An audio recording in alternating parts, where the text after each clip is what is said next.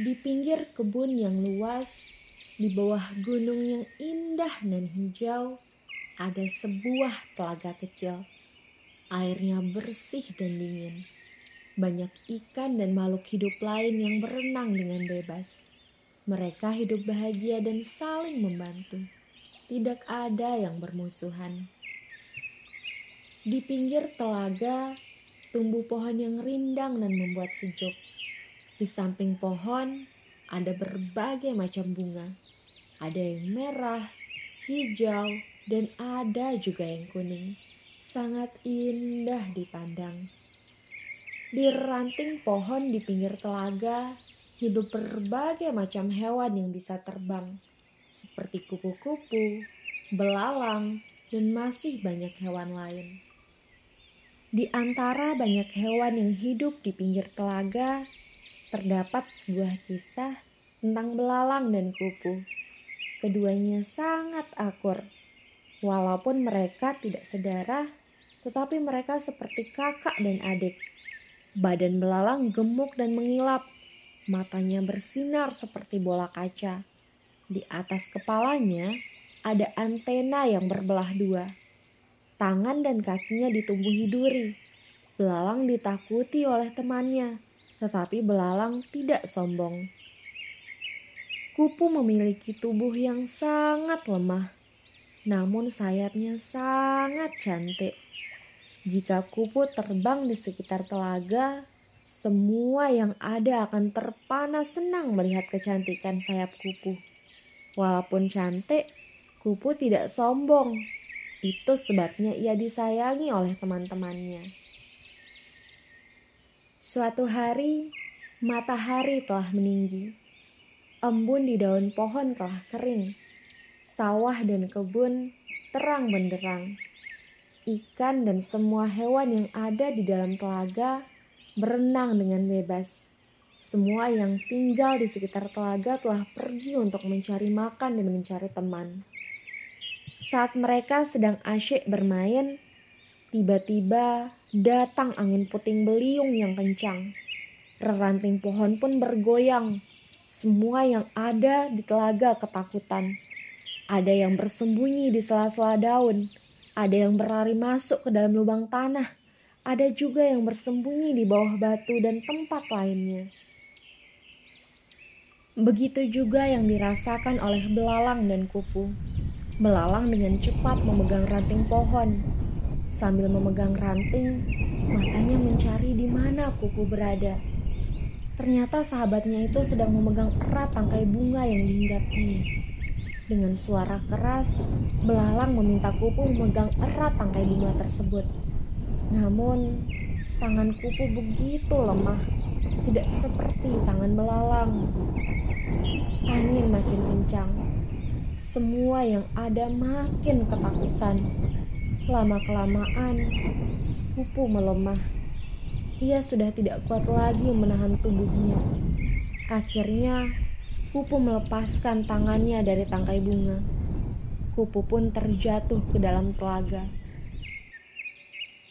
Angin puting beliung telah reda. Semua yang terbang kembali ke pinggir telaga. Mereka mencari dan memeriksa di dalam air dan di bawah pohon. Mungkin ada saudaranya yang hilang. Saat itulah mereka melihat kupu hanyut di telaga. Suasana menjadi ribut. Ada yang menangis, ada yang berteriak memanggil sahabatnya untuk menolong kupu, dan ada pula ingin melompat ke dalam telaga. Namun, tidak ada yang bisa berenang mereka hanya saling berteriak memanggil satu sama lain. Untunglah muncul ide dari belalang. Belalang segera mengambil ranting kayu kering kecil dan menjatuhkannya ke tengah telaga, tepat di samping kupu. Belalang memegang salah satu ujung ranting dan berteriak memberitahu kupu agar memegang ujung yang lainnya.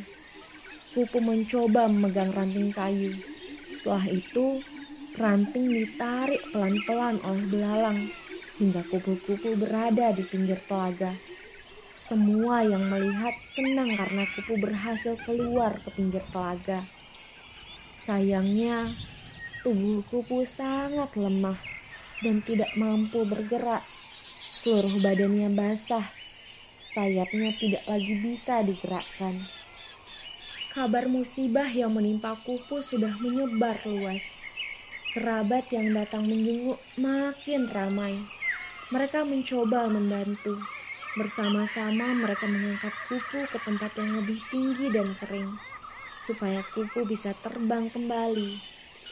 Lama-kelamaan, badan kupu pun kering Kupu mulai mengepakkan sayapnya.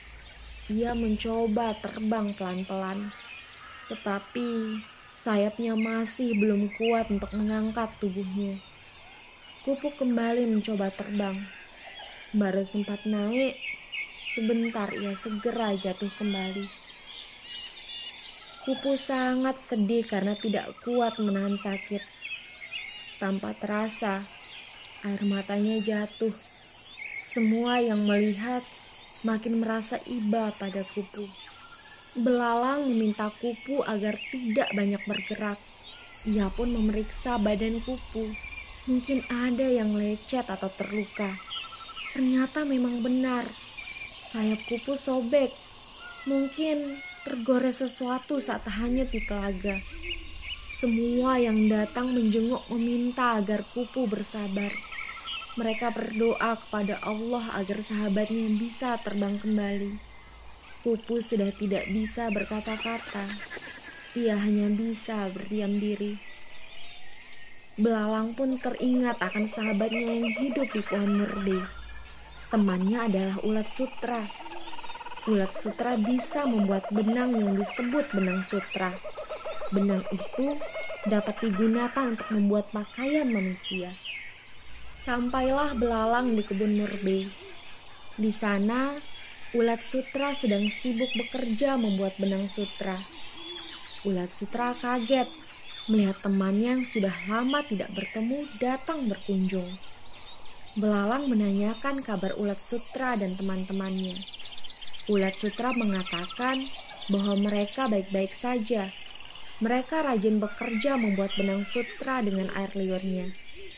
Ulat Sutra juga bertanya, apa yang membuat belalang mengunjungi kebun di siang hari yang panas? Diceritakanlah tentang angin puting beliung hingga cerita kupu yang robek sayapnya kepada ulat sutra. Belalang bertanya, apakah ulat sutra dapat membantu menjahit sayap kupu supaya bisa terbang kembali? Tanpa berpikir panjang, ulat sutra berkata bahwa ia akan membantu kupu. Hati belalang sangat senang. Ia segera meminta ulat sutra untuk naik ke atas punggungnya. Mereka terbang kembali ke telaga tempat kupu berada. Sesampainya di telaga, ulat sutra mengeluarkan air liurnya untuk dijadikan benang sutra. Dengan benang itu, ulat sutra menjahit sayap kupu. Selesai menjahit, kupu diminta untuk mencoba terbang. Atas kebesaran Allah, kupu pun mengepakkan sayapnya dan kembali terbang. Semua kerabat yang ada memuji kehebatan ulat sutra. Ini semua merasa senang karena kupu bisa terbang kembali. Puji-pujian untuk Allah dan rasa terima kasih kepada ulat sutra diucapkan. Tidak ada yang bisa menandingi rasa bahagia dan terima kasih kupu dan belalang kepada ulat sutra. Ulat sutra tidak mengharapkan imbalan. Yang terpenting, mereka bisa saling membantu di kala susah dan gelisah. Hidup di dunia ini ada kalanya susah dan senang. Di kala susah, kita harus bersabar dan kelapang dada. Di kala senang, Janganlah lupa diri. Ingat Allah yang menciptakan kita. Tiba waktunya ulat sutra untuk kembali ke kebun murbe. Belalang dan kupu berharap agar ulat sutra sampai dengan selamat. Dan suatu hari nanti, mereka akan bertemu kembali untuk saling membantu. Semua saling berlapang dada dan banyak berdoa. Angin puting beliung, penyakit, dan cuaca buruk semoga tidak datang kembali. Amin.